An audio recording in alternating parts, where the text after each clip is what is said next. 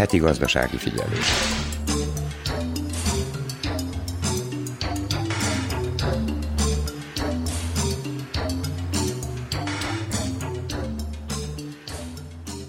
Az élelmiszerpiac stabil és a kínálat is jó, mondta a kereskedelmi miniszter.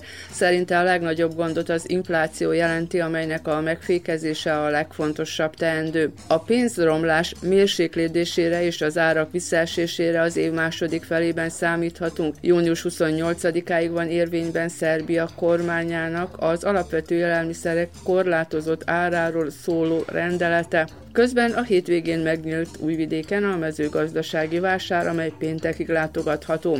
Hegedűs Erika köszönti a heti gazdasági figyelő hallgatóit. A héten egyeztet Szerbia az oroszországi gáz behozataláról és az áráról. Közben a múlt héten a szerb kormány elfogadta a földgáz ideglenes árkorlátozásáról, valamint a behozatali vagy Szerbiában kitermelt földgáz piaci zavarok esetén felmerülő árkülönbségének megtérítéséről szóló rendeletet. A gyakorlatban a fogyasztóknak ez egyelőre nem jelent semmilyen áremelkedést. Műsorunkban azonban nem erről lesz szó. A heti gazdasági figyelőben két titkárság munkájáról hallhatnak Fehér Szabolt, energiaügyi építési és közlekedési, valamint Tóth Zoltán településrendezési és környezetvédelmi segédtitkár a tárcák munkáját és a pályázatokat ismertetik. A fogyasztóvédelmi mellékletben a második órában a jegybanki alapkamat és a hitelek árazásáról beszél a szakember. A vállalkozói mellékletben folytatjuk a fából játékokat készítő temerini vállalkozás bemutatását. Az idegenforgalmi mellékletben a vajdasági épített örökségről szóló sorozatunkban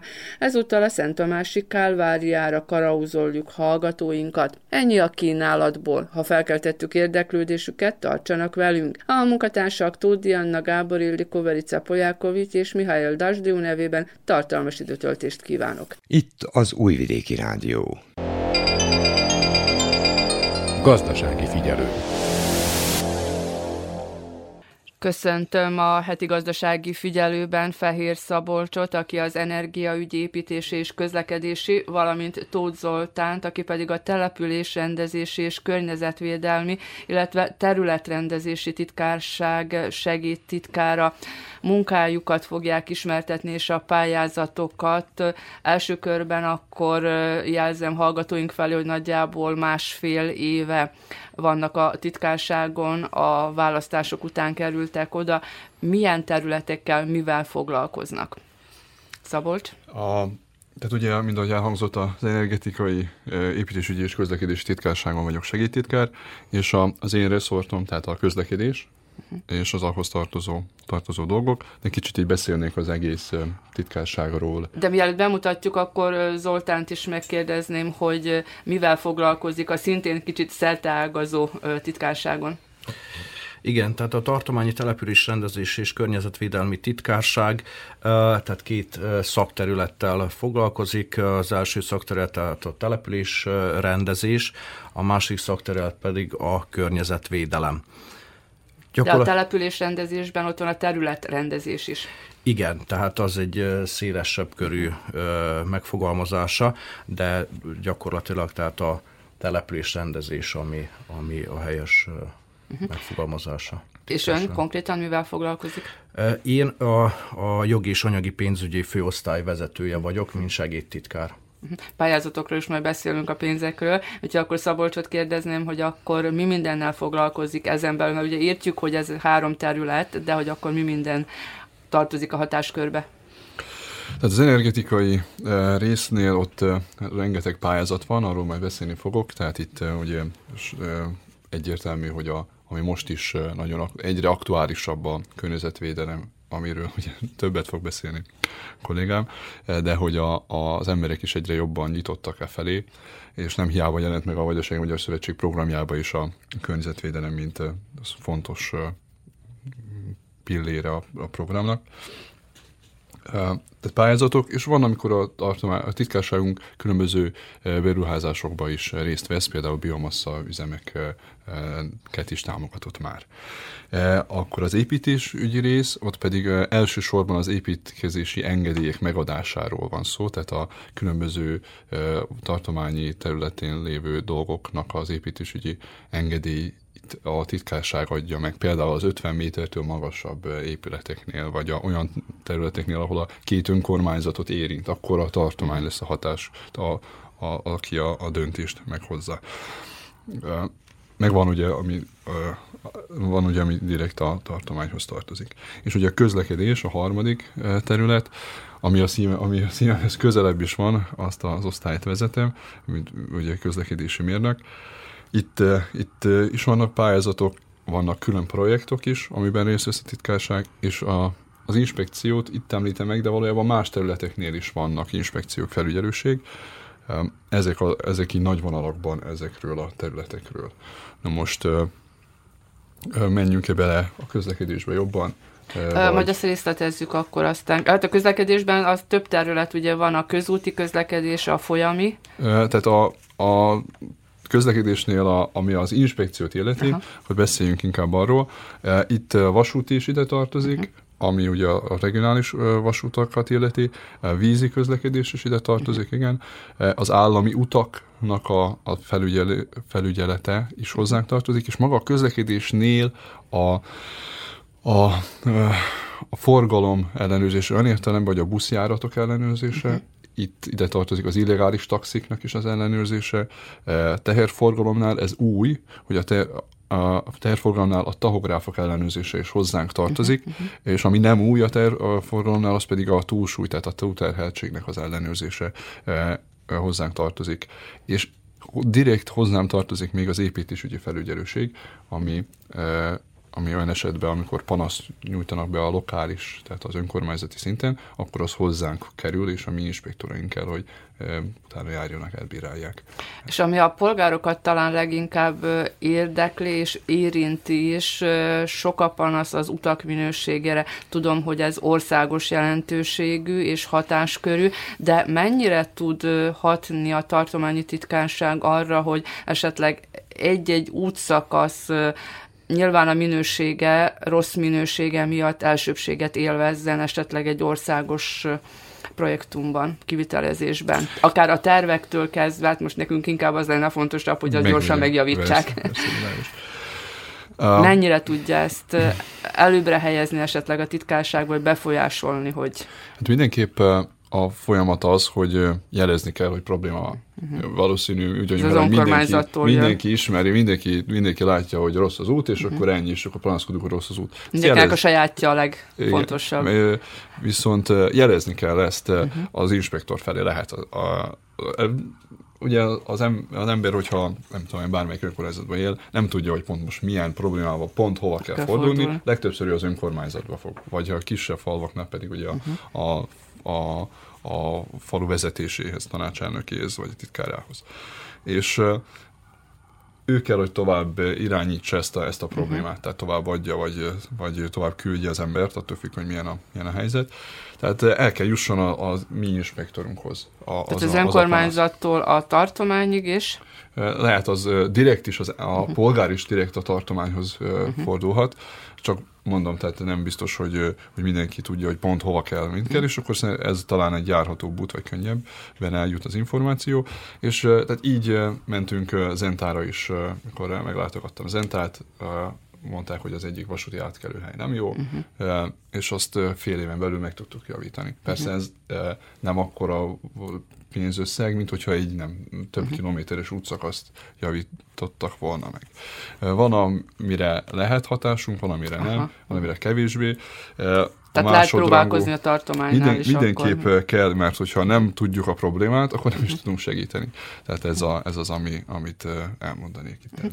Jó, akkor Zoltán, a, tehát hogy már elkezdtük az előbb boncolgatni, hogy terület és településrendezés és környezetvédelem. Igen, tehát egy kicsit jobban bemutatnám a, a titkárság felépítését, tevékenységét, hatáskörét.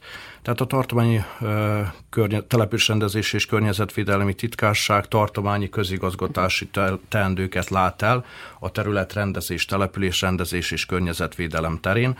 A gyakorlatban a titkárság a tartományi közigazgatás végrehajtási szak és fejlesztési teendőit látja el, és felügyeletet gyakorol a területrendezésre, településrendezésre és környezetvédelemre vonatkozó jogszabályok alkalmazása felett, Továbbá hatáskörébe tartozó területeken, tehát a településrendezés és a környezetvédelem eh, területén figyelemmel kíséri, felügyeli és támogatja a Vajdaság Autonóm Tartomány által alapított közvállalatok és közszolgálatok működését. Konkrétan a Tartományi Településrendezés és Környezetvédelmi Titkárság felügyeli a Vajdasági Településrendezési Intézet, mint tartományi kormány által alapított közvállalat munkáját, valamint a ter- természetvédelmi intézet tevékenységét. Ami a titkárság szervezeti struktúráját illeti, tehát a titkárságot titkár vezeti, aki egyidejűleg a, a vajdaság, a tartományi kormány tagja is egyben, van helyettese, valamint altitkár, és ahogy említettem, a konkrétan a mi titkárságunkat, tehát a titkárság hatáskörébe tartozó teendők ellátását hat főosztály végzi, a főosztályok vezetését pedig a a segédtitkárok végzik. Tehát ezek a településrendezési és területrendezési főosztály, a jogi és az anyagi pénzügyi főosztály, a környezetvédelmi monitoring és információs rendszeri főosztály, a természeti javak és biológiai diverzitásvédelmi főosztály, a tisztább termelési, megújuló energiaforrás és fenntartató fejlődési főosztály, valamint a felügyeleti főosztály. Na most itt is lenne akkor azért egy kérdésem, hogy mennyire tudják, ez most ugye környezetvédelem is, és hát területrendezés is, hogy a sokat emlegetett illegális hulladéktelepeket, finoman fogalmazva, tehát a szeméttelepeket, mennyire tudják felszámolni, mennyire lehet ezt egyáltalán irányítani, mert ugye ez nagyon sok településnél, és elsősorban a polgároktól függ, bármennyire, bármennyire is ezt nézzük, hogy ez hatóságilag meg lehet oldani, de azért ez mégiscsak a polgároktól függ és hát szerintem most már az utóbbi néhány évben égető kérdés, tehát nagy problémát okoz a szennyvíz. Ugye sokan mosunk, fürdünk, stb. Most ezekre a területekre mennyire tudnak pénzt találni, és mennyire lehetnek egyáltalán hatással a titkárságról? Ugye említette, hogy felügyelőség, főosztályok. Igen, tehát ezek fontos és, és nagyon komoly természeti ártalmak, tehát az illegális hulladéklerakók, illetve a szennyvíz kérdése. Minden esetben úgy látom, hogy ezeken a, ezen a területen tehát nagyon sokat tennivaló. A szélesebb körű társadalmi és politikai konszenzusra van szükség ennek a problémának a megoldására, de hogy említette is, tehát nagyon sok függ a a polgárok szemléletéről, től, illetve tehát a környezet tudatos viselkedési mód gyakorlásától, tehát az egyéntől is nagyon sok függ. Persze, tehát állami szinten, tartományi szinten is, tehát az ilyen jellegű akciókat, tevékenységeket, amelyek a az illegális hulladéklerakók felszámolására e, e, szükségesek, tehát e, kell, hogy biztosítson nagyobb eszközöket. Tehát a mi titkárságunk éves költségvetése, tehát a 2021-es költségvetés évre vonatkozóan más, mint egy másfél milliárd dinár. Gyakorlatilag ez nem egy olyan magas, nagy összeg, amelyel hathatósan és gyorsan meg tudjuk oldani a környezetvédelmi kérdéseket, de folyamatosan nagyon sokat tudunk tenni ennek érdekében, ezért is a titkárságunk folyamatosan ír ki ilyen jellegű pályázatokat, amelyek gyakorlatilag az illegális hulladéklerakók felszámolására irányul, illetve annak felszámolását támogatja. Itt önkormányzatok tudnak pályázni. Hát sajnos megközelítőleg mintegy három és fél ezer illegális hulladék lerakót találhatunk Vajdaság autonóm tartomány területén. Ez egy igen magas szám, de... Tehát gyakorlatilag hogy... akkor, ha településeket nézzük, több mint egy minden településre? Igen, mert település, vannak települések. Ahány bejárata van, annyi nagyjából? Sajnos, sajnos, sajnos igen. Tehát hát ez ezt meg, tapasztalom meg... igazából őszintén vajdaságot járva, és hát gyakorlatilag egész vajdaságban megfordultam, hogy szinte minden bejárat kijáratnál.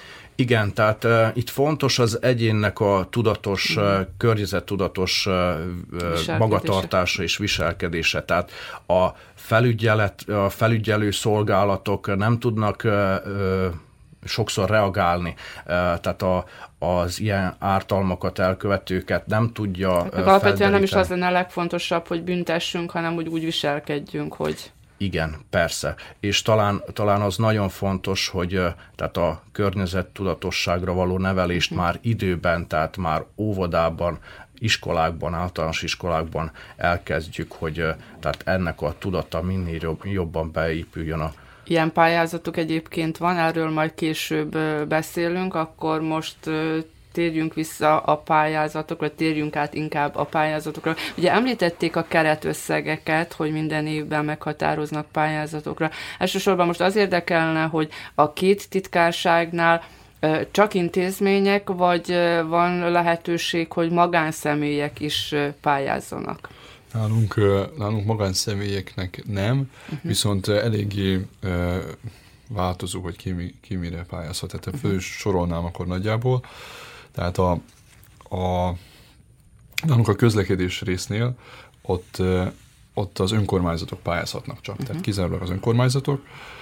Ez közlekedés és biztonsági. Itt, és, és itt változnak idő, minden kiírásnál változnak a témák, és amire lehet pályázni, tehát céleszközök de eddig mindig ott volt az iskolavezetnek a, a ki, az iskolavezetnek a felszerelése. Uh-huh. Tehát biztonságosabbá tétele? Biztonságosabbá tétele, lehet így is mondani. Azért kétféleképp, tehát a maga a, volt a sebességcsökkentő a kijelző, tehát az a display, uh-huh. amiket látunk, hogy lassítson, 30-as, amiket láthatunk, elég sok helyen van is. Bosszankodunk is a, néha, de azért ez fontos. Meg a másik pedig maga a technikai eszközök a lassításra, akár fekvőrendőr, akár uh-huh. a, azok a, a vibro vonalak, vagy a táblák, meg a útburkat jelek kifestése, táblák kihelyezése. Úgyhogy ez volt mindig. Most annyi, hogy ez ki lett ettől az évtől, és nincs ez a, a az össz, tehát ez a lehetőség nincs, ez a céleszköz nincs a pályázati kiírásban, azért, mert külön a pályázaton kívül egy közbeszerzést végzett el a, a titkárságunk, ahol kötelezzük, hogy felmérjék a helyzetet az iskolavezeteknél, uh-huh. és, és ott kialakítsák ott, ahol nincs terv elkészítve, ott készítsék el a tervet. Most ez az, erre. ami most májusra tehát, kell, hogy elkészüljön? Van, az, a, az a célja ennek a kiírásnak, uh-huh. hogy, hogy minden iskola övezete rendben legyen a vajdaságban. Tehát ez uh-huh. a cél. Uh-huh. Viszont most a kiírás elsősorban Északbácska, Északbánát és Középbánát. Ez volt mert az eszközök végesek, nem, ja. az eszközök végesek, és el kellett dönteni, hogy melyik legyen. Tehát ez a három régió élvezett most elsőséget, hogy felmérjék. Bocsánat, tehát akkor gyakorlatilag az a fontos, hogy helyi szinten fölmérjék, hogy mire van szükségük, miük van és mire lenne szükség, van, tehát, és ezt a tartomány teljes egészében tudja tehát, finanszírozni? A cél most az, hogy megnézzék, hogy tehát felmérjék a helyzetet, valahol megvan már, valahol, uh-huh. te, valahol megvan a terv, valahol megvan a kivitelezés is, uh-huh. és ott, ahol nincs meg a terv, uh-huh. az az első lépés, azt csinál, készítse el, készítsék el. Tehát ez az első lépés. A finanszírozás az majd egy következő lépés lesz. Tehát először minden terv meg legyen, és akkor minden terv megvan, akkor tudunk rá pénzeszközt is. Különböző lehetőségek vannak, most még nincs konkrétan meg, de különböző lehetőségek vannak, ami a közel jövőben el kellene, hogy induljon. Ez most akkor folyamatban van gyakorlatilag? A tervezés, uh-huh. tervezés elkészítése folyam. Tervek elkészítése az is körzetekre folyamatban van. És itt most felsorolhatnám, hogy mi minden van még a, a maga a pályázatnál, tehát itt továbbra is ment maradtak a sebességcsökkentő eszközök, de az, a, a lassított forgalmi vezetékben és a 30-as vezetékben, uh-huh. és ugyanígy a, az a display, tehát a kijelző is ugyanezeknél az övezeteknél, akkor a, a szemaforok elkészítésére lehetett pályázni az idén, és a gyalogos szemaforokra is uh-huh. lehetett pályázni. A, ez volt a kivitelezés része, akkor volt tervezésre is lehetett, tehát azokra az útszakaszoknál, ahol az állami út átmegy a településen, ott nem mindenhol van rendezve, hogy ki a karbantartó, ki hogy mint uh-huh. csinálja, és valójában mindenképp valaki felelős, tehát nem lehet azt mondani, hogy nincs rendezve, de a, valahol az önkormányzat, valahol a, az állam, tehát hogy ez, ez nem mindenhol, azért, mert van lehetőség arra, hogy a, ne az önkormányzat legyen, mert elsősorban az önkormányzatokra ruházták rá, és onnantól kezdve az önkormányzatoké. Viszont itt van lehetőség arra, hogy visszaadják az államnak, és az állam tartsa karba, de ahhoz el kell készítsenek egy tervdokumentációt, és az alapján kivitelezni. Na erre tervdokumentációra lehetett most pályázni akkor ugyanúgy lehetett tervdokumentációra, szemaforra és az a gyalogos vezetékre, és még egy dolog van, az pedig a, olyan ez, technikai eszközöknek a, a beszerelése, ami, e, ami a közlekedés, tehát a forgalom megfigyelése kamerával, e, és ezáltal e, a büntetések vagy a szabálysértéseknek a, a, a rögzítésére alkalmas eszközöket uh-huh. lehetett pályázni. Na most mindkettőjüktől kérdezem, hogy összekössem azért a, a, a két titkárságot, hogy mennyire vannak a feladatok között, és akár a pályázatok között átfedések, vagy párhuzamok, hogyha valaki, teszem azt egy iskola, vagy egy önkormányzat pályázik az egyik titkárságnál, és mondjuk ahhoz a projektumhoz, amit ők szeretnének megvalósítani, esetleg még kellene pénz, és a másik titkárságot is érinti, tehát hogy akkor ugyanazzal a projektumnál, projektummal, programmal, tervel tudnak két titkárságnál is pályázni, vagy ez kizárja egyik a másikát, hogy azért ne akarjanak annyi pénzt egyszerre. Most ezt, bocsánat, ilyen nagyon egyszerűen fogalmaztam meg. Tehát gyakorlatilag a titkárságok tevékenységéből kifolyólag, tehát ez elég jól elhatárolt szakterületek, amelyekkel a két titkárság foglalkozik. Tehát, tehát az iskolát említettük itt is, ott is. Tehát a mi, es, mi esetünkben gyakorlatilag, tehát a környezetvédelem, uh-huh gyakorlatilag, tehát célirányosan mi a környezetvédelmi jellegű pályázatokat támogatjuk. Uh-huh. Tehát gyakorlatilag nincs sok átfedés. köze, illetve uh-huh. átfedés a, a két titkárság pályázatai között. Így van, tehát jó mondja az Zoltán, annyi, hogy tehát amikor valaki egy ilyet tervez, akkor azt fázisokra vagy vagy elemekre kell bontani, szakaszokra, vagy szakaszokra, és akkor ilyen értelemben tud, uh-huh. tud mhm. ide is oda is, mert nálunk is van ugye pályázat, ami az iskoláknak, és a civil szervezeteknek, de az, az akár a, az iskolák való, a civil szervezetek. Igen, akik az úgymond akkor abba, abba, akár iskolába is bemehet és megtarthatja azt, amit tervez, és ezáltal úgymond össze van kötve a kettő.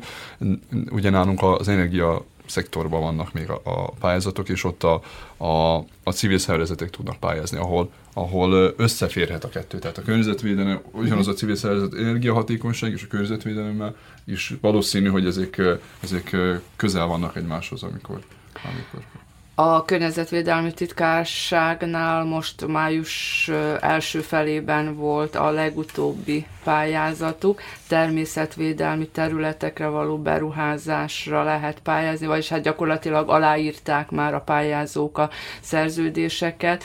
Ez mit föd? Igen, tehát a, termi- a környezetvédelem kapcsán tehát fontos kihangsúlyozni a természetvédelmet, mint tevékenységet, amit a titkás, titkárságunk folytat. Ez tehát nagyon fontos, hogy a természeti kincseinket, értékeinket megőrizzük, ezért a titkárság egyik fontos feladata, hogy a természeti területeket védetti nyilvánításának folyamatát meggyorsítsa és szorgalmazza. Jelenleg 12 ilyen természetvédelmi terület védetti nyilvánításának folyamata van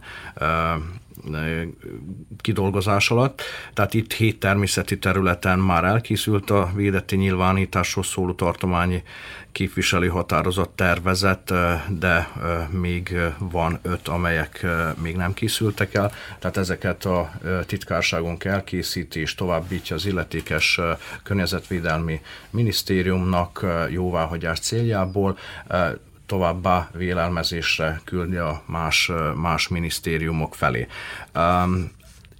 Egy, az idén, az idejében, az idei költségvetési évben egy pályázati kiírásunk realizálódott, uh-huh. illetve valósult meg. Ahogyan is említette, ez a természetvédelmi területek kezelői részére kiírt pályázati kiírásunk volt, ahol a természetvédelmi területek kezelői olyan fejlesztésekre, beruházásokra pályázhattak, amelyek a természetvédelmi terület megvédését, további fejlődését tudják garantálni. Ez a pályázati kiírás 15 millió dináros keretösszeggel valósult meg, összesen 17 természetvédelmi területet kezelő intézmény, szervezet jelentkezett, és 25 természetvédelmi területen végzendő beruházást, fejlesztést valósítanak meg a, a tartomány nyújtotta 15 millió dináros támogatásból. Egy természetvédelmi területen milyen beruházásokat? Tehát utaképítése, esetleg hulladékosarak, kannák elhelyezése, vagy milyen beruházásokra kérhettek? Gyakorlatilag lehet, hogy nem is a beruházás a megfelelő uh-huh. szó, hanem a fejlesztés, mert tehát a jellegénél fogva. Tehát milyen fejlesztések lehetnek? Tehát ahogy ön is említette, tehát a környezet megóvása szempontjából szemetes kannák, hulladékgyűjtő kannák kihelyezése, madárlesek felé, felépítése, mólók vizes területek közelében. Ugyanakkor különböző eszközök, amik a, amelyek szolgálják a, a madár megfigyelést, vagy a természet megfigyelését, de ugyanakkor lehet ezeket a támogatásokat, tehát a, a természetvédelmi terület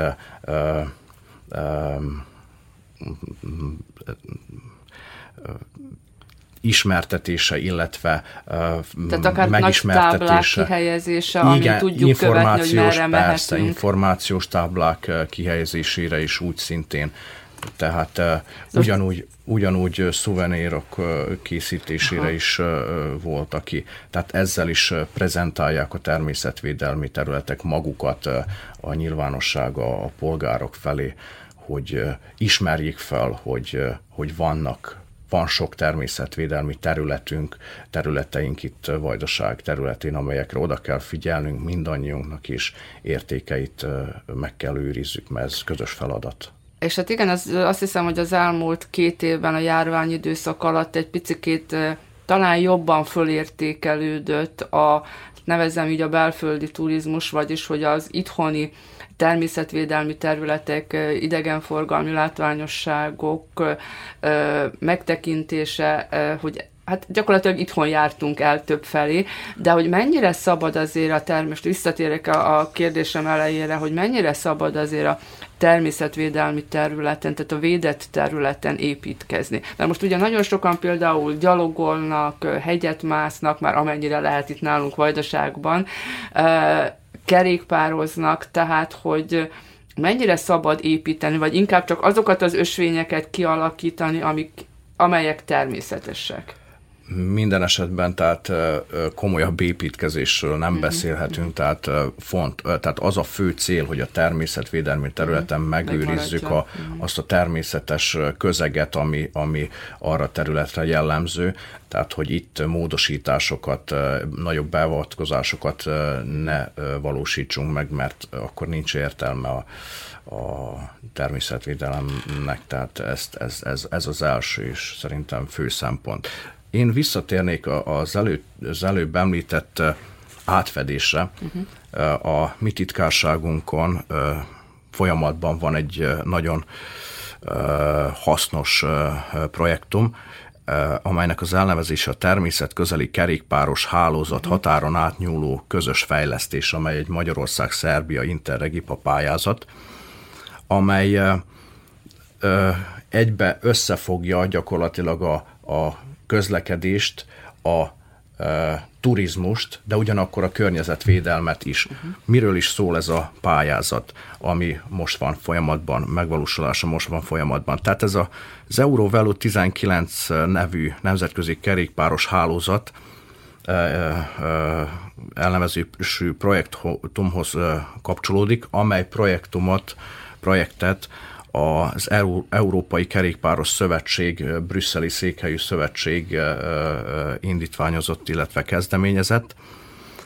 Ennek a, a, ez a projektum, tehát 12 európai útvonalat, tehát uh-huh. teljes Európa teljes területén levő útvonalat, kerékpár útvonalat fed le, amelyeknek az összhossza 70 ezer kilométer. Tehát egy ilyen hálózati kiépítés, kerékpárút hálózat kiépítése a fő cél. Tehát ennek van gazdasági... ez mekkora terület lenne, hány kilométer igen, tehát a, a Vajdaságban a, tehát a, az, EU, az Eurovelo 11-es elnevezésű szakasz, megnevezésű szakasz valósulna meg a Horgos Röszkei határátkelőtől Belgrádig uh-huh. húzódna ez az útvonal, érintve Magyar Kanizsát, Zentát, Adát, Óbecsét, igen, uh-huh. Tiszamentét.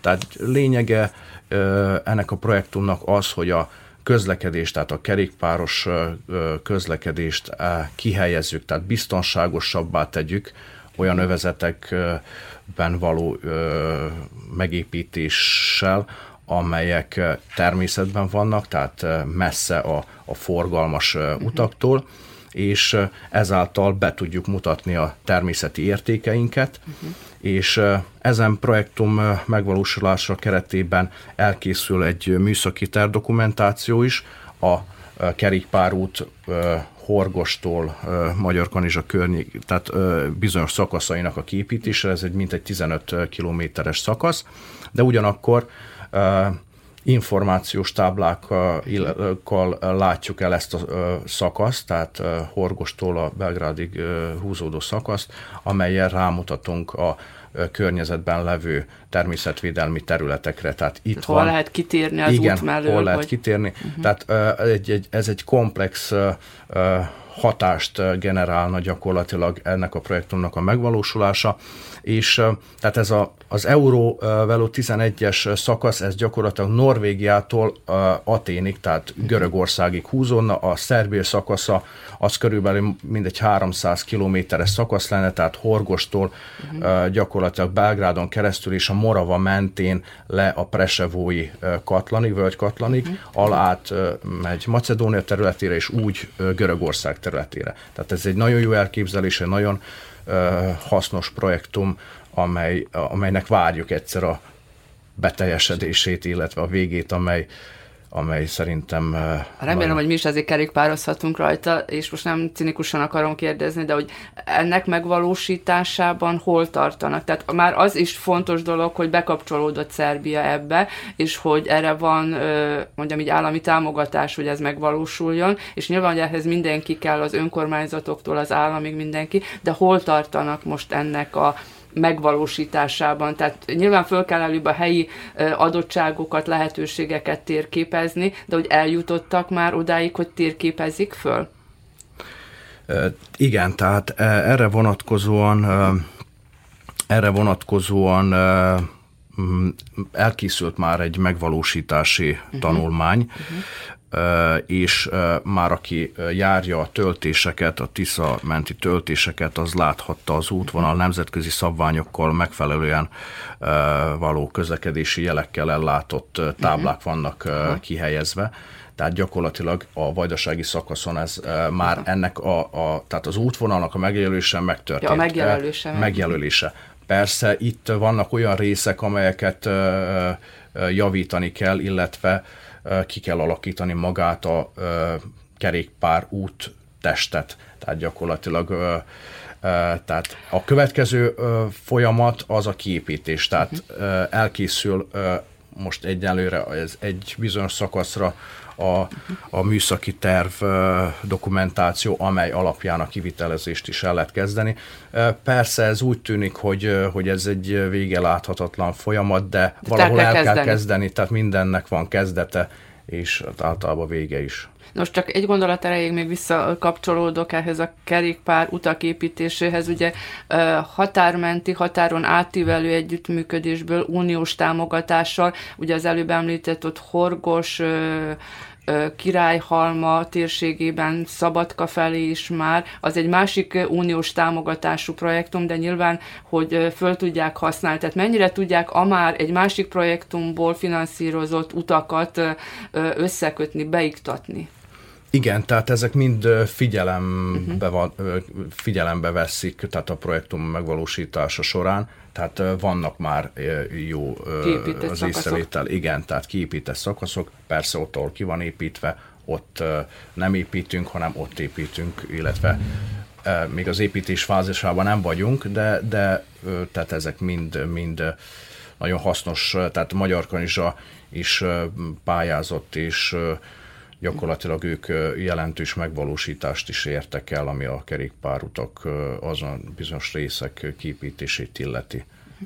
Jó, Szabolcsot kérdezem most akkor, hogy ugye közlekedtünk, de a titkársághoz tartozik az energiaügy is. Ugye tudjuk, hogy országos szinten meghirdették most már ugye második évben az energiahatékonyságot a lakosság számára, tehát a lakóházak, lakások és házak energiahatékonyabbá tételére. A tartományi titkárság viszont évek óta támogatja már az intézmények energiahatékonyságát, felszerelését az épületeknek, iskolák szigetelését, intézmények világításának javítását, hogy most úgy ne soroljam föl, hogy mi, mi, mi milyen lehetőség van. Folytatódik ez, mert hogy nyilván, hogy igény van rá.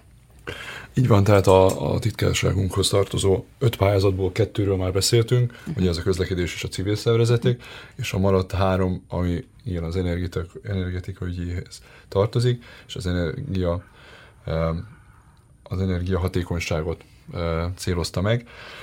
Itt az energia hatékony izzók cseréje, uh-huh. ezt erről beszélnék most először. Itt 44 millió dináros keretösszeg volt, de Bond ma jelent meg a, a, az eredmény is, uh-huh. és 49 millióra ki lett tolva, mert hogy az igény nagy volt. Ha, nagy volt az érdeklődés. Az érdeklődés nagy volt.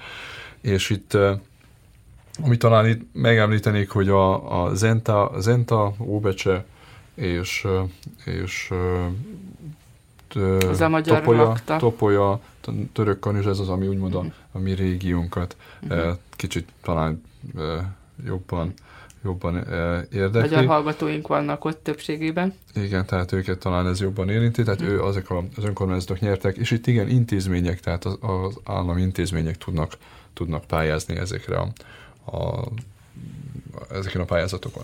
Egyébként mekkora a megtakarítás? Azért jelentős? Vagy az, hogy hát- kicserélünk hát, egy-egy égüt, az egy dolog, de... Hát kell, tehát meg kell feleljenek a, tehát egy projektdokumentáció kell, hogy uh-huh, elkészüljön uh-huh. ahhoz, hogy bírjanak pályázni a, a, az intézmények, és ott meg van határozva, hogy milyen hatékonyság alatt nem nyerhet. Uh-huh. Tehát ezért muszáj, hogy a minimálisat legalább uh-huh. teljesítse, de valahol még többet is. Tehát ilyen értelemben ez kell, hogy segítse a, az intézmény, de akár így, hogyha átvitételem, akkor az önkormányzat működését is kell, hogy segítse uh-huh. ezekkel a, a megtakarításokkal. Tehát oktatási intézmények, önkormányzatok és egyéb a tartomány hatáskörébe tartozó vagy tulajdonú intézmények? Nem kell, hogy tulajdon tartomány, uh-huh. tehát a, az áll, a államintézményeknek Állam számít, a sportközpont is nyer, van a sportközpont is nyert pályázatot, uh-huh. általános iskolák, középiskolák, tehát ezek, ezek mind, mind lehetséges pályázat. És mekkora összegeket tudnak nem számszerűen nyerni, és nem csak konkrétan erre a pályázatra gondolok, és ezt mindkettőjüket kérdezem, hogy úgy írják ki a pályázatot, hogy teljes egészében, vagy vissza nem térítendő összeg, vagy részarányosan, tehát hogy önrész is kell, vagy ez a pályázattól függ? Nálunk a titkárságon 80%-os támogatás van, tehát uh-huh. 20% önrész, 80% uh-huh. maximum 80%-os támogatás van, és mindegyik pályázatra. Ez kivéve civil szervezetek ott nem Jó, lehet ezt így e, teljesen, de a többinél mindenhol így van, itt, itt, is, itt is így van. Tehát 80%-ot teljesít a, uh-huh. És a, még ami pályázatunk van kettő az energetikaügyi résznél, az pedig az energiahatékony kazánok beszerelése, uh-huh. és ott ott a pályázat kiírása már megtörtént februárban, de és a határidő is persze lejárt, eredmény még nem született, itt 20 milliós keretösszeg van, meglátjuk, hogy hogy, hogy alakul a dolog. És a, ami egy kicsikét és itt is a, a kazánok beszerelésénél az, az még fontos, hogy itt is az intézmények, tehát iskolák, uh-huh. még amit felsoroltunk az előbb, akár egészségházak is tudnak pályázni erre, és itt is ugye tudnak különböző megtakarítást, energiahatékonyságot elérni. És a napelemek, ez egy kicsit, kicsit más, mint a többi, napelemek az öntöző rendszereknek. Tehát itt mezőgazdasági gazdaságok, aktív mezőgazdasági. Tehát magánszemélyek olyan értelemben, ha, hogy vállalkozók ha, vagy van, földművesek. Így, így van, tehát regisztrált gazdasággal rendelkeznek, akkor tudnak ide pályázni, és itt, itt a napelemek megjelennek, mint, mint a foszilis üzemanyagtól a függőség csökkentése. Ez már picit környezet és természetvédelem van, is. Így van, mindenképp.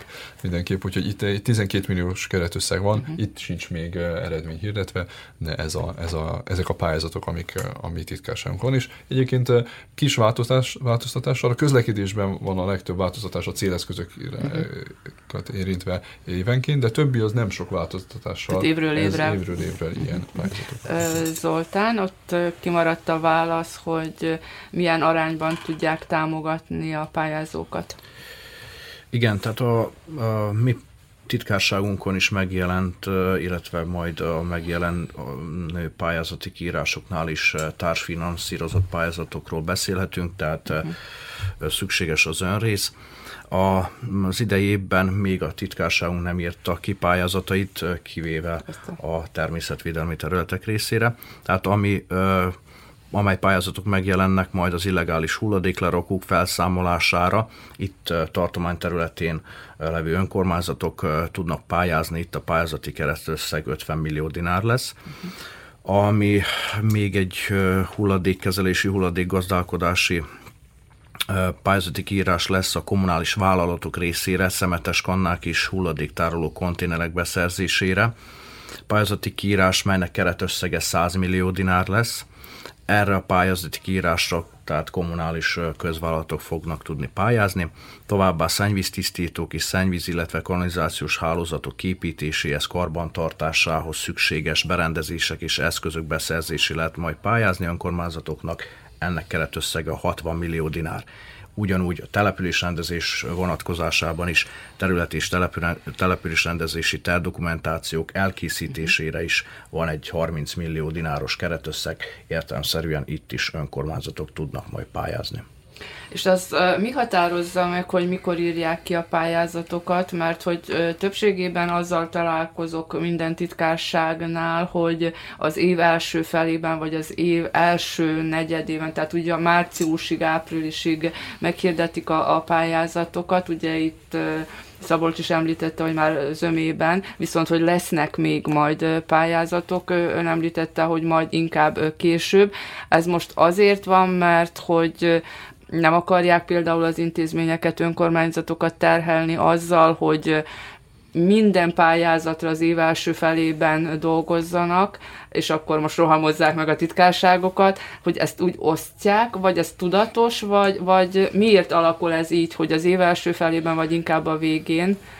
Nincs, nincs erre szabály, tehát ez Aha. gyakorlatilag a titkárnak a diszkréciós joga, hogy ja, eldöntse, tehát hogy ez... uh-huh. tehát a titkárságon belül folyó munkák beosztása, illetve megszervezése ezt hogy igényli. Tehát, uh-huh. És ezek a pályázati kiírások hamarosan meg fognak jelenni, tehát e hónap vége, uh-huh. jövő hónap eleje. Egy hét van a hónap végéig még.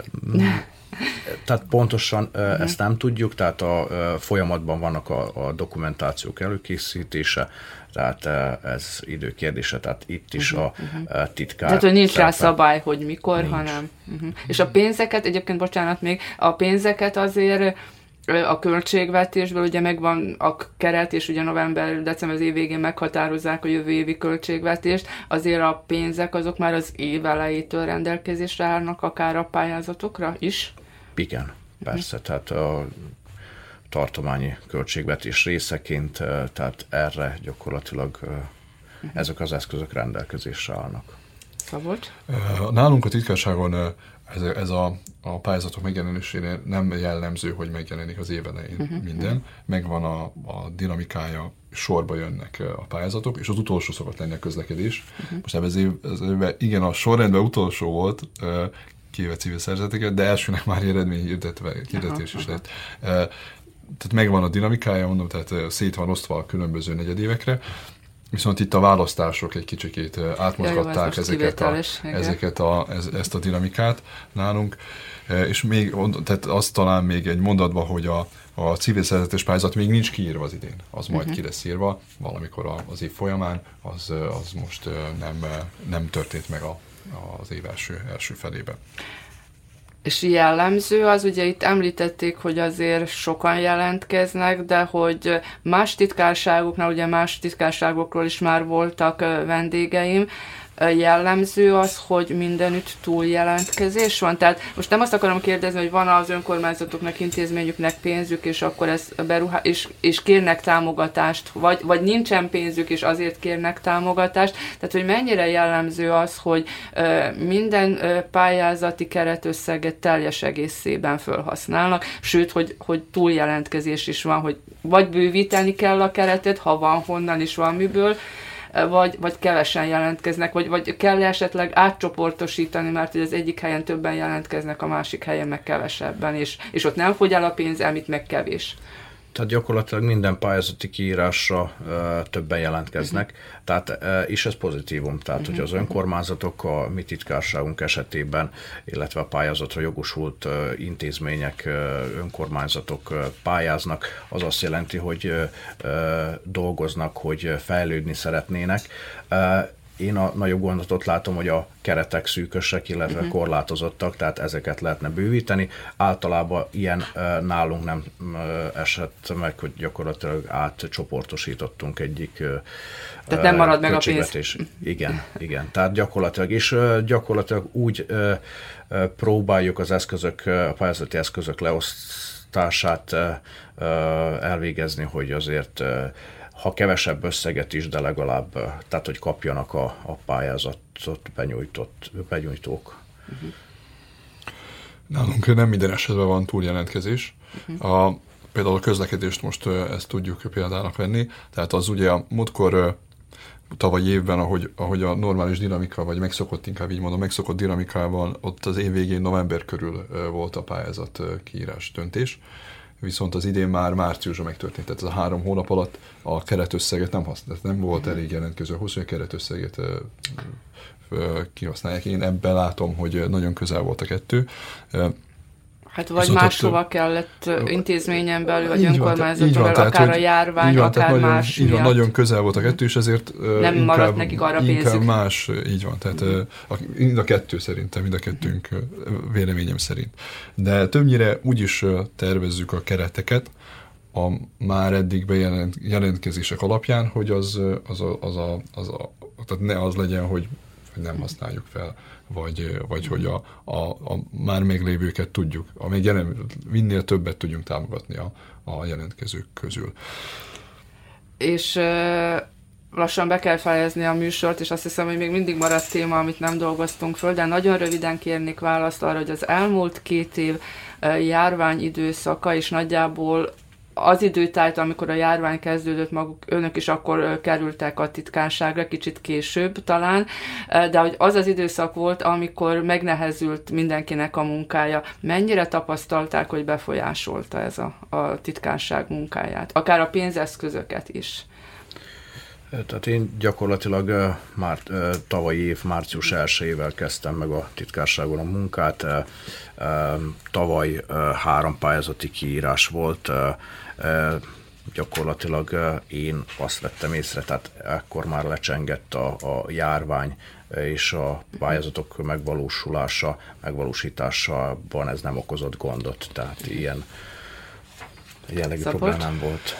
Hát, a, maga a munka menetét az megnehezítette, hogy sokszor nem volt ott uh-huh. valaki, mert ugye karantén, meg, meg akkor az, ugye olyan intézkedések is voltak, hogy az irodában, aki dolgozik, fele jár be, vagy, uh-huh. tehát, hogy, a, vagy hogy ha valahol két inspekció, két inspektor van ugyanazon a területen, akkor egyik jár be egyik nap, másik a másik nap, vagy aha, tehát, hogy egy aha, ilyen, aha. hogy ne találkozzanak, tehát ugye a kontaktusok lecsökkentése. Tehát a Ez pályázatokat kicsi, be lehetett de, nyújtani így is, De úgy a pályázatoknál, ami az ugye postai úton, a, uh-huh. tehát, hogy nem, nem kell, az, ott a pályázatok szempontjából nem volt, nem láttam, én nem éreztem azt, hogy valami meg lett volna nehezítve. Nekem még lenne kérdésem, de egy másik alkalommal folytatjuk majd. Most be kell fejezni a, műsorunkat, legalábbis ezt a részét. Köszönöm Felhír Szabolcsnak és Tóth Zoltánnak, hogy itt voltak a, a műsorba, és hát majd egy következő alkalommal akkor folytatjuk a beszélgetést. Mi köszönjük a lehetőséget. Itt az Újvidéki Rádió. Gazdasági figyelő.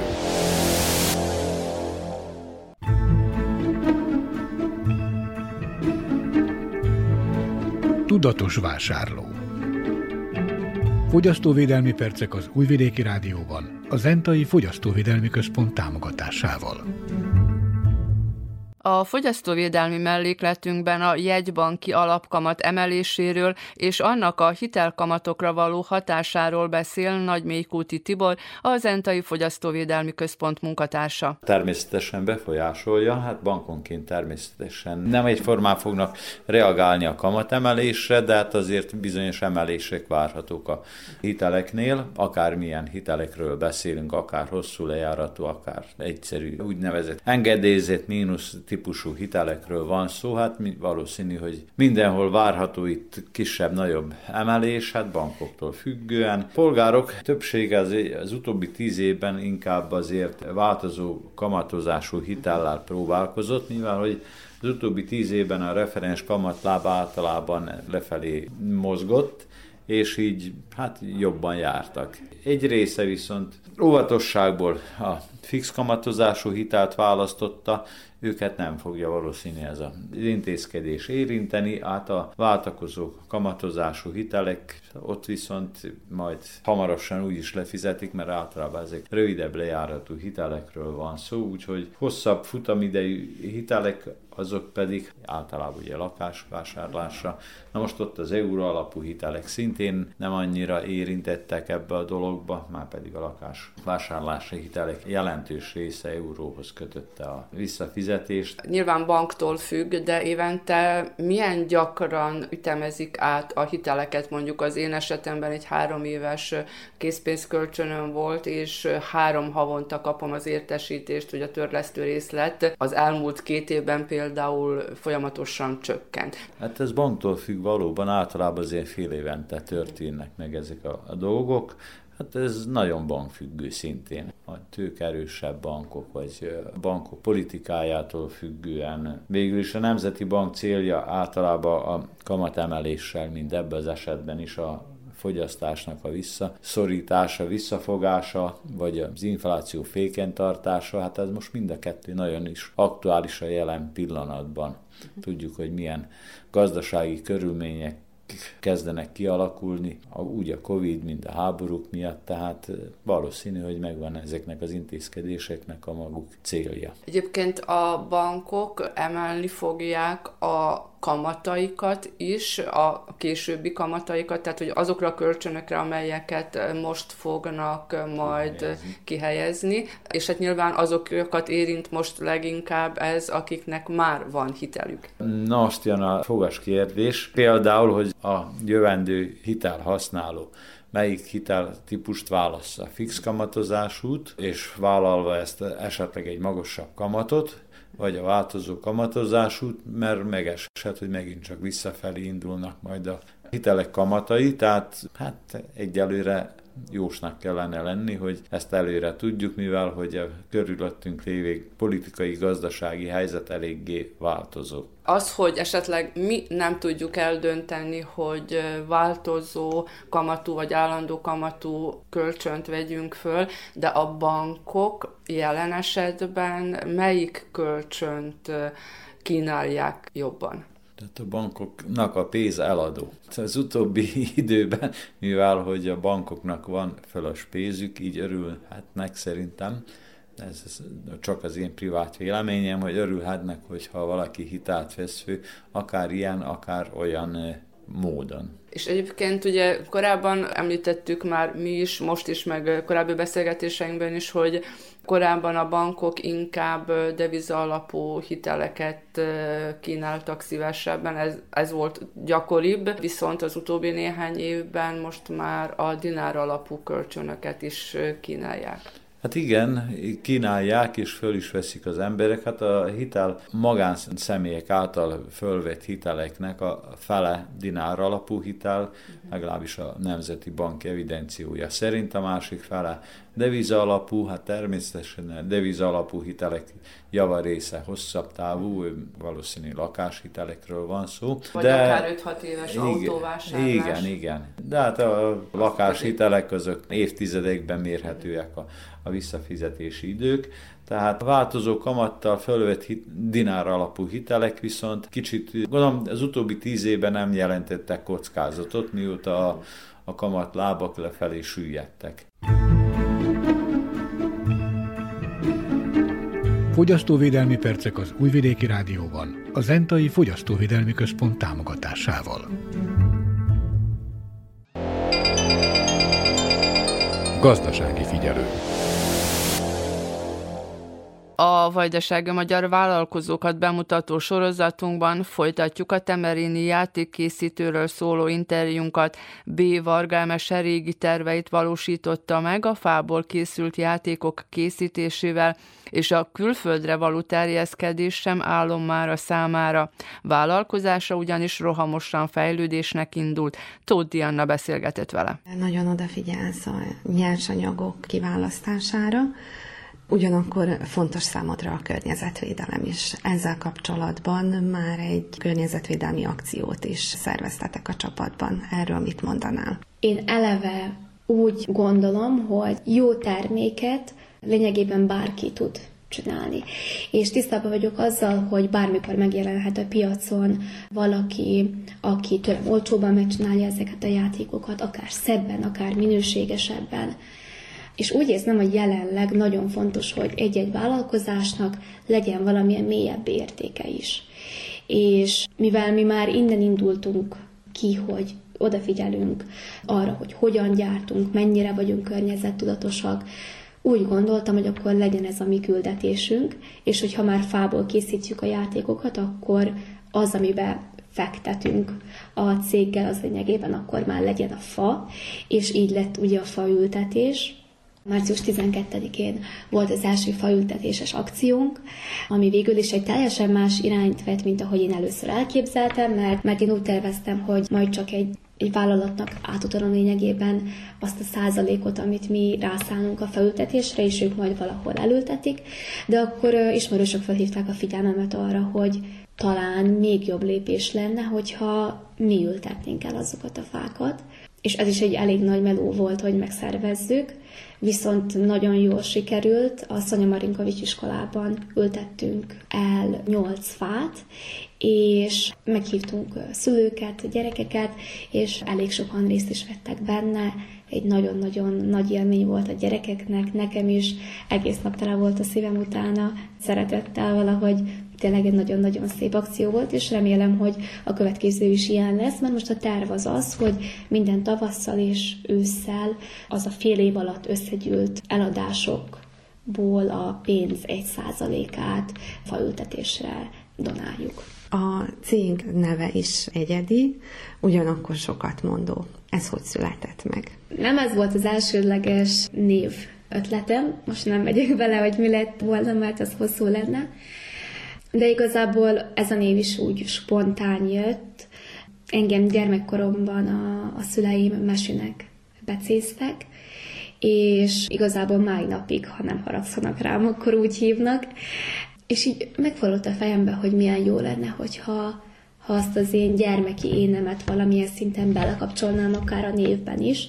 De hát magában az, hogy mesé az nem egy univerzális, eléggé magyar becenév, ezért átkereszteltem a mesét meskának, mert eleve úgy terveztem, hogy a játékokat egy pillanatban külföldre is fogjuk küldeni, meg hát ugye eleve itt nálunk a szerb piac, az valószínűleg nem tud annyira azonosulni a mesinévvel. A Meska and Friends, tehát az a Friends barátok kifejezés, az pedig azért jött hozzá, mert olyan aranyosnak tűnt, hogyha ha mindegyik kis vásárlónkat, vagy hát azokat a gyerekeket, akik vásárolnak, vagy akik elkapják a mi játékainkat, hogyha a barátunknak tekintjük. Úgyhogy így alakult meg lényegében a, a nevünk, és igazából sokszor pozitív visszajelzést kapunk rá. Említetted, hogy terveit között szerepelt külföldre is, a külföldi piacra is betörni. Ez a pillanat viszonylag gyorsan elérkezett. Ez a pillanat nagyon gyorsan bekövetkezett. Velem átlagban az a baj, hogy ha, ha eltervezek valamit, és elgondolom, hogy az, hogy az hogyan fog megvalósulni, az tényleg meg fog valósulni, csak nem úgy, ahogy én elterveztem. És igazából én nekem februárban volt egy nagyon komoly beszélgetésem egy marketingessel, ahol egy nagyon részletes hat hónapnyi tervet csináltunk arról, hogy hogyan fog ez a terjeszkedés kinézni. Az egész terv az valahol április végén indult volna meg, és akkor ugye őszig tartott volna. Viszont az történt, hogy egy külföldi anyuka felfedezte a játékainkat, és megosztotta egy játékos csoportban, és nagyon sok magyarországi rendelésünk lett, tehát egyik pillanatról a másikra. A másik pedig az, hogy az Instagramon igazából nem nehéz külföldre terjeszkedni, hogyha az ember szép képeket tesz fel, ami megfogja az embereknek a figyelmét, akkor nagyon könnyen terjed, és osztják, és lementik a képeket, a játékokat, amiket felteszünk. Úgyhogy én csak egyik reggel arra lettem figyelmes, hogy 15 külföldi profil bekövetett, és hiába csináltam meg a hat hónapos tervet, erre valahogyan reagálni kellett, rögtön szerződést kötöttünk a, a DHL-lel, hogy tudjuk külföldre is küldeni a csomagokat. Szóval hát tudja, hogy van ez sokszor nem úgy van, ahogy mi tervezzük, de szerintem az a fontos, hogy tudjuk tartani a tempót, és hogy mindig legyen ötletünk arra, hogy hogyan reagálunk, vagy hogy hogyan szörfözünk azokon a hullámokon, amiket elébünk dob az élet. Említetted, hogy fontosak a fényképek, amiket közé tesztek a különböző közösségi oldalakon. Ezek a közösségi oldalak nagyon nagy lehetőséget rejtenek magukban a cégek számára, hogyha tudnak vele élni. És ti tudtok. Hogy készülnek ezek a képek? Kinek a segítségét igényled ilyenkor? Az igényes fényképekről beszélünk. Hát átlagban az ismerőseim nagyon meglepődnek, amikor mondom, hogy nekünk van saját fotósunk, vagyis, hogy egy külsőssel készítettem el a fényképeket, mert én is és a párom is foglalkoztunk hobbi szinten fényképészettel. És nincs rossz szemünk a fényképekhez, viszont valamilyen szinten úgy tartom, hogy mindenki azt kell, csinálja, amiben a legjobb. És hogyha én meg tudom magamnak, vagy meg tudom ugye cégen belül engedni azt, hogy igényes, tehát a legigényesebb fényképeink lehetnek, tehát amit én szeretnék, akkor azt meg is kell tenni, és nem kell sajnálni ezekre a dolgokra a pénzt. Úgyhogy a mi fényképeinket Visnyesesom készíti, ő még egy újvidéki fényképész, és hát igazából ő étel fényképeket készít, különböző éttermeknek, Szerbia szerte és külföldre is. Viszont az ő stílusa nagyon-nagyon tetszett, és hát megkérdeztem tőle, hogy hajlandó-e lenne esetleg a játékokat is fényképezni, ami nekünk nagyon-nagyon megörült, és most már a második kollekciónkat is, és ő fényképezte, és hiszem azt, hogy, hogy végig ő lesz itt, és hogy ő fogja bemutatni lényegében a játékainkat, mert nagyon fontos, hogy valaki ne csak szép fényképeket készítsen, hanem hogy tényleg úgy lássa azokat a játékokat, ahogy én látom őket, amikor tervezem. Tehát, hogy valahogy az a, az a kreatív, az a művészi vonalunk, az, hogy úgy egymás mellett úgy szépen haladjon, és hogy megértsük egymást. Egy nagyon kicsit visszakanyarodnék a, a tervezéshez. Egy írásban olvastam, hogy te megmaradtál a kézirajzolás mellett. Egyetemes a koromban is az volt a legnagyobb hibám, hogy én lustáltam kézzel rajzolni. Átlagban véve nem tudom, hogy most hogy lusta vagyok-e, vagy csak időveszteségnek érzem, és akkor úgy vagyok vele, hogy minél gyorsabban legyünk meg, és minél gyorsabban elkezdek számítógépen kidolgozni egy-egy rajzot. De ezt a hibát elkövettem a legelső kollekciónk tervezésekor is rögtön leültem, és számítógépes programmal elkezdtem rajzolni a játékokat. Amikor viszont kiviteleztem őket, akkor láttam a hibákat, és nagyon nehéz volt őket a számítógépes rajzon kivitelezni. Az egyik legnagyobb hátránya lényegében ezeknek a, tehát a számítógépen történő rajzolásnak az, hogy hiába van előttem a képernyőn, nincs annyira átfogó érzésem arról, hogy pontosan mekkora az a termék, amit én lerajzolok. Persze tudom, hogy 10 centi, de nem tudtam, hogy a tenyerem mellett mekkora is az a 10 centiméter. Úgyhogy rájöttem, hogy ez egy nagyon nagy hiba volt, és nagyon nehéz utólag javítani. Akkor is lényegében azt csináltam, hogy a legvégén átrajzoltam papírra, és aztán papírról megint ugye a számítógépen. Viszont az új kollekciót azt már úgy kezdtem, hogy először egy kis füzetben vázlatoltam, utána vettem egy nagy milliméteres papírt, és akkor ott milliméterenként rajzoltam, hogy oké, okay, mi mennyi lehetne, és az ember azt hogy sok időt vesz igénybe, de igazából is sokkal rövidebb folyamat volt, mint hogyha rögtön számítógépen indultam volna meg. Persze utána át kell őket rajzolnom, mivel a, a CNC gép, amivel vágjuk, a számítógépből és a számítógép által vezérelt, de nagyon fontosnak találom, hogy ezeket az első lépéseket papíron és hagyományos módon csináljam. Hogyan képzeled el a cégedet néhány év múlva? Milyen terveid vannak? Készül-e már az új kollekció? Nem készül még az új kollekció, de éppen ma mondtam anyuéknak ebéd után azt, hogy megvan, megvan, tudom, mi lesz a következő. Nem az, amit mondtam eredetileg, más valami lesz, de minden összeállt bennem, és ez tényleg egy olyan dolog megint, hogy így a pillanat hevében jön az ötlet, és nálam valahogy mindig az ilyen zsigerekből hozott döntések azok, amik jól sikerülnek és jól sülnek el. Az, amit nagyon szeretnék, hogy megcsináljuk a magyar ABC-t is. Természetes, hogy vágyom erre. Viszont a magyar ABC az egy elég nagy kihívás az ékezetek miatt. Akkor, amikor megindultunk, akkor nem voltam benne biztos, hogy van elég tudásom, hogy azokat az ékezeteket megcsináljam úgy, hogy biztos ne törjenek le, hogy biztonságos legyen a gyerekek számára. Viszont most már szerintem az idén bátorkodni fogok, hogy, hogy neki kezdjek.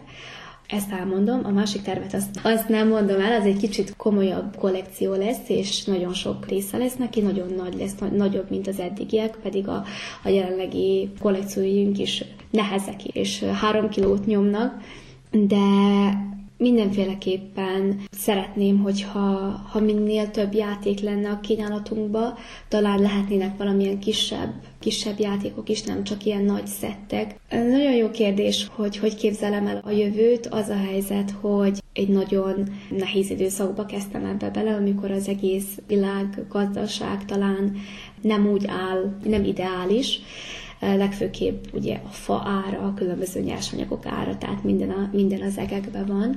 Úgyhogy ezért is félek valamilyen szinten kijelenteni hosszú távú terveket, de de azt, amit igazából úgy nagyon fontosnak tartok, hogy amit beszéltünk a környezetvédelemről, a nyersanyagokról, a faültetésről, tehát az, amit biztosan tudok, hogy szeretném, hogyha ha a cég az végig ilyen szellemben fejlődne, és hogyha ilyen szellemben nőne. Utazunk és utazzunk, Vajdaságban és a világban. Az Újvidéki Rádió turisztikai rovata. Az idegenforgalmi mellékletben a vajdasági épített örökségről szóló sorozatunkban ezúttal a Szent Tamási Kálváriára kalauzoljuk hallgatóinkat. A jövőre 160 éves épületet és a stációkat 20 évvel ezelőtt újították fel. Egyike a legnagyobb kápolnákkal rendelkező kálváriáknak vajdaságban. Értékét növeli a tűzzománc képek. És érdekessége, hogy sokan Gion Nándor helybeli író műveiből is ismerik, mondja Zsunyi Tibor Szentamási plébános. Írásos dokumentumban, hála Istennek egész az elejétől kezdve, tehát 1863-ban van első említés arról, hogy a pastorális tanács a plébánossal összefogva fölvetik a kérdést, hogy, vagy a kérést az egyházközség részéről, hogy jó lenne egy kálváriát építetni. Hát ekkor nagy valószínűséggel ugye már lenyugtak, lenyugodtak a kedélyek a 48-49-es szabadságharc után, és körülbelül beállt egy valamilyen konszolidált idő, és úgy voltak vele, hogy jó lenne, mivel ez a hely, ahol most vagyunk, kihasználatlan volt. Ez a rész viszont magyarok lakta terület volt mindig is. De település perem része lehetett? Mert ugye a kálváriákat többnyire azért a templomtól kicsit távolabb, de a település szélén építették. Igen, ez a része innét hordták el akkor abban az időben a házakhoz, a földet, amikor ő vert faluházakat csináltak, és egy kicsit ilyen dombos része volt ez Szent Tamásnak, és ezért látták jónak. Ez különben szokás, hogy a kálváriákat egy picit dombosabb részre emelni, hogy kimagasodjon pontosan, hogy kimagasodjon a, a Kálvária, az három kereszt. Érdekes ez, hogy a, az egyházközség nem a plébános kezdeményezése, ez később is majd megjelenik a hívő közösségben, hogy maga, a maga elképzeléséből, maga elszántságából összehozta a dolgot, hogy legyen a Kálvária, építessék meg, és közadakozásból építették. Ami egyedi a Szent Tamási Kálvárián, nagyon kevés hely van olyan a községekben, hogy a, ki egy az, hogy külön Kálvária domb van, nem a temetőbe van, legtöbb helyen a temetőbe létesítették a Kálváriát a 14 stációval, itt viszont Szent Tamáson egy külön Kálvária dombot építettek, és bele még egy kis kápolnát, a Szenvedő Krisztus kápolnát is beleépítették. Megjegyzem, hogy én ugye Bácsföldvári vagyok, a hallgatók ezt már többnyire tudják, de Bácsföldváron is az eredeti Kálvária a templom kertén, a temetőn kívül van és messzebb van, ugyan már a temetőben most kialakítottak egy újabbat. Igen, meg hát van azért másik helyeken is, de nem jellemző általánosságban, hogy külön helyet biztosítanak, mert egy az, hogy azt rendbe is kell tartani, a másik pedig az, hogy hát a helyet biztosítani, hogy van-e olyan hely a közös községbe, ahol erre megfelelő alkalmas hely, hogy hát azért az a, a helynek a, a jellegéhez megfelelő legyen. De És nem feltétlenül egyházi területen kell, hogy legyen? Valamikor nem egyházi területek voltak ezek. Amikor az állam és az egyház szétválasztása megtörtént, akkor magától értetődő volt, hogy az egyház úgy ne avatkozzon bele az állami ügyekbe, hogy konkrétan ne vegyen részt benne, viszont azért az állam részéről mindig megvolt egyfajta közeledés az egyház felé, mert a híveket viszont ott tudták elérni, az embereket ott tudták elérni, hiszen vasárnaponként, ünnepnapokonként az emberek templomba jöttek össze, és érthető volt, hogy az embereknek a, a megszerzése vagy a megszólítását könnyebb volt a templomon keresztül, az egyházon keresztül. Tehát nem volt szükségszerű, hogy a Kálvária területe önmagába az egyházi legyen. Később ez a dolgok rendezettsége véget került át egyházi tulajdonba, de mind a mai napig vannak olyan kálváriák, amelyek nem egyházi tulajdonban lévők. Légvonalban egy kilométerre lehet a templomtól.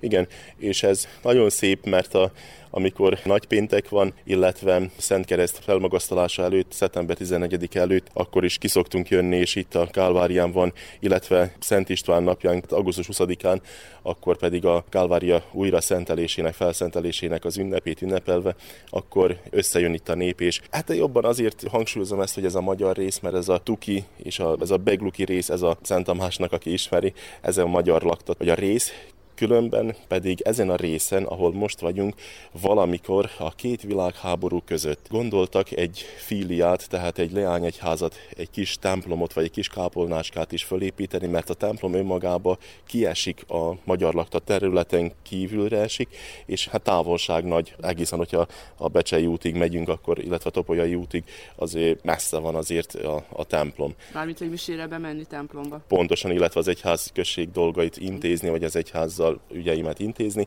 és valóban az 1930-as években létrehoztak egy külön anyakönyvezést is.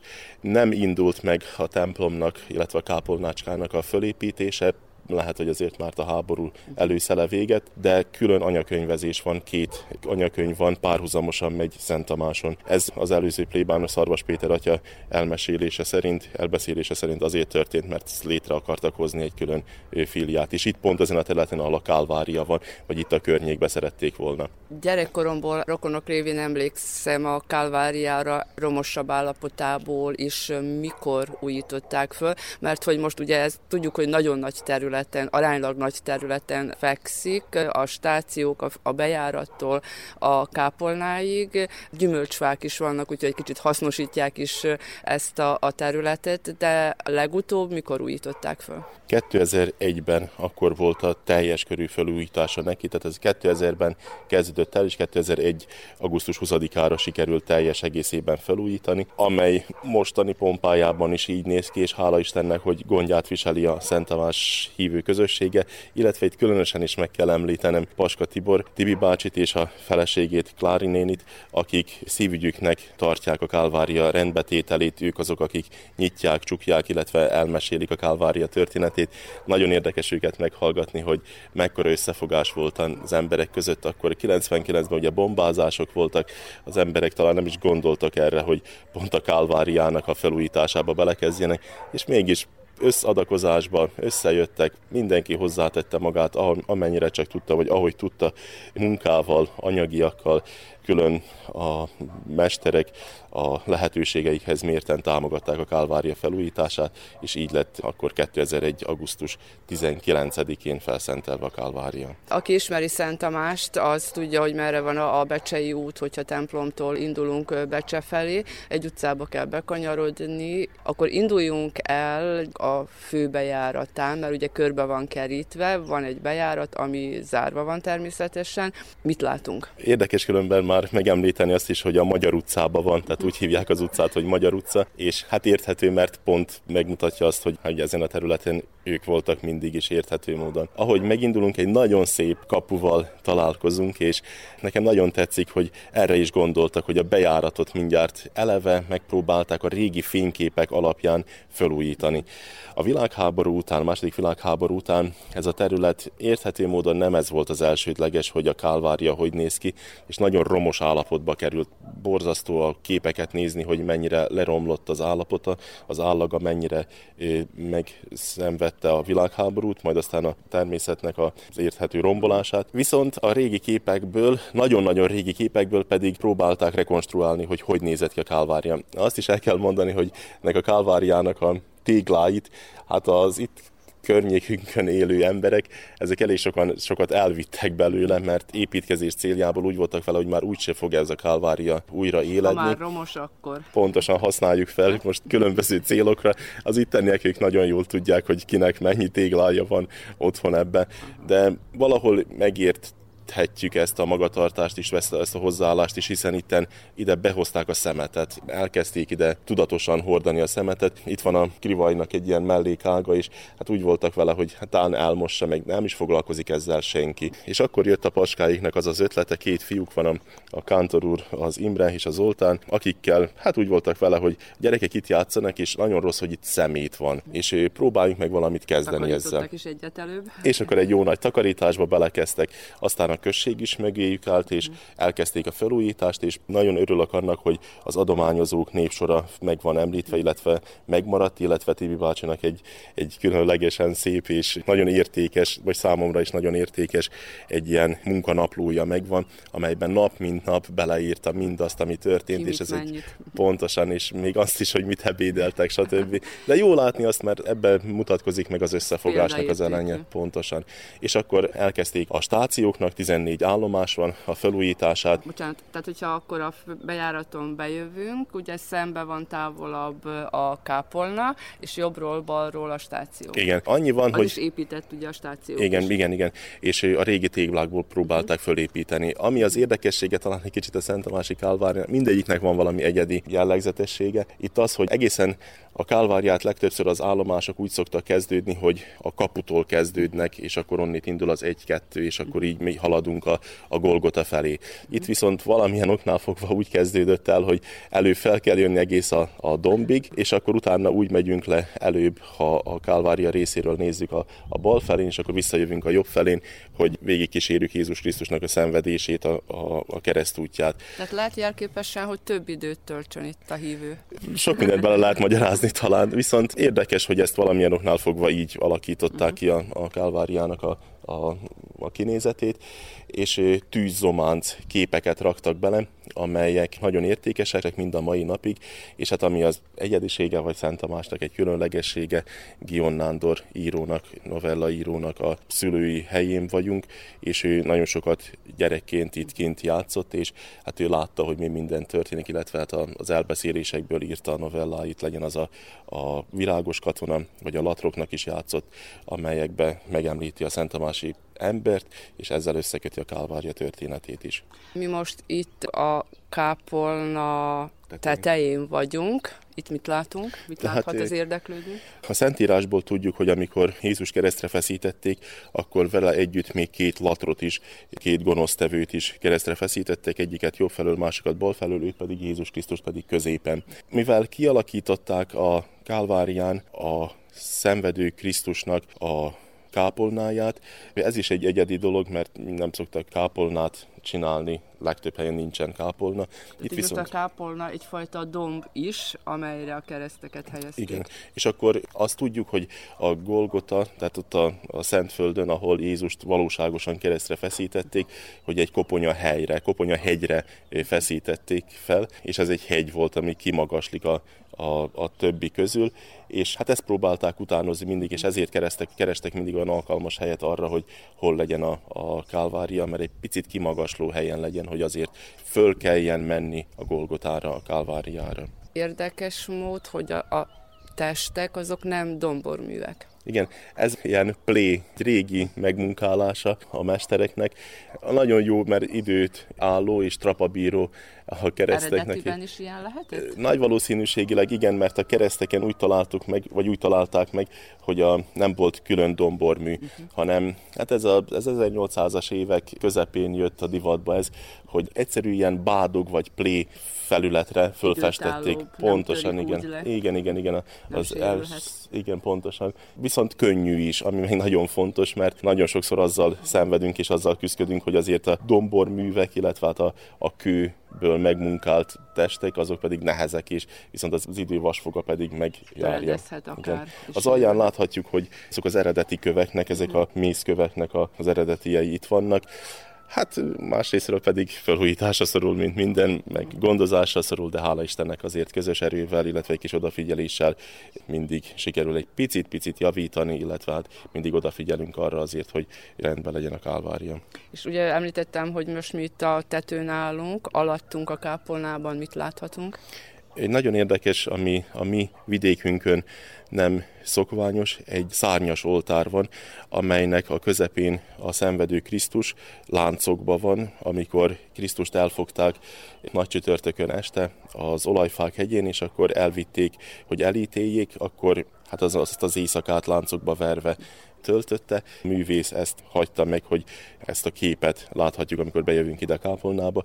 Majd pedig, hogyha kinyitjuk az oltárt, az oltárképet, ezt a szárnyas oltárképet, akkor pedig a magyar szenteknek a, a képei láthatók, úgy, mint Szent Kinga, Szent Margit, Szent Erzsébet, Szent László és Szent István. És hogyha már Istvánnál tartunk, én emlékszem, hogy István a király rockoperát is itt a Kálvárián adták elő, legalábbis én itt láttam. Igen, akkor ez nagy összefogás volt a nép részéről, mert 99-ben ugye bombázások voltak. Azután a népben biztos volt egy ilyen nagy hajrá, hogy most azért szabadon lehet újra mindent, végre nem tiltja az állam se azt, hogy mit csinál az egyház, nem avatkozik bele, és az adott egy, az embereknek egy ilyen nagyon nagy szabadságot, és én a filmet visszanézve, hiszen még akkor én is nagyon fiatal voltam, nem is voltam itt, viszont a filmet visszanézve jó azt látni azt az összefogást, a gyerekek, ahogy énekeltek, táncoltak, ahogy különböző effektusokkal megcsinálták azt, hogy hát látványos legyen. Hát nem azt mondom, hogy megközelíti, de, de nagyon szépen visszaadja azt a hangulatot, amit az eredeti rockoperába próbáltak beletenni. És úgy örülök neki, hogy amikor most visszanézem ezeket a képeket, a videót, akkor találkozok azokkal az arcokkal, akik itt vannak közöttünk, sajnos nagyon sokan pedig már kivándoroltak, illetve hát már egy nagy része pedig sajnos már nem is él. Említettem, hogy amikor jöttünk be, hogy be van zárva a kapu, körbe van kerítve. Ha valaki esetleg hívőként, turistaként erre jár, hogyan tud bejutni ide? Kinél kell, vagy hogyan jelezni? Község részéről jött egy ilyen elképzelés, hogy kerítsék körbe, mert továbbra is fönnállt a veszély, hogy nehogy ide szemetet dobáljanak be, meg, hát, meg minden mást, és ezért körbe kerítették a kálváriát, és ez a, ez a kerítés mind a mai napig áll. Az interneten keresztül, a Facebookon keresztül, tényleg az, a különben a Google lehetőségeinken keresztül, a térképen keresztül, mindenhova, ha utána nézünk és rákattintunk a kálváriára, akkor mindjárt információt nyerhetünk róla, és pedig itt van a, a tűszomszédság országban laknak a paskáik, akiknél a kulcs itt van, és hát ő hozzájuk bátran lehet fordulni, hogyha valaki meg szeretné tekinteni a kálváriát. És akár egy kis ismertetőt is mondhatnak. Biztos, hogy elmondják, mert ők nagy tudósai ennek a kálváriának. Pont a napokban volt itt a, az aranycitere, amikor is egy nagy Gion rajongó anyuka eljött, és hogy nagyon boldog volt, hogy ő ezt megnézhette, és fényképezkedett mellette. Jó látni az embereknek a lelkesedését, amikor valaki ennyire fontosnak tartja egy a távlatból, pedig egy igen messzi faluból jött, és, és úgy örült neki, hogy ő itt lehetett, és láthatta azt a, a területet, ahol Gion megírta az ő novelláit.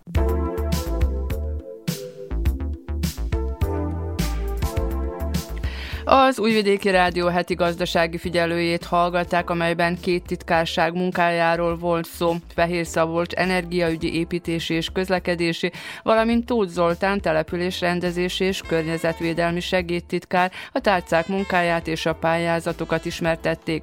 A fogyasztóvédelmi mellékletben a jegybanki alapkamat és a hitelek árazásáról beszélt a szakember.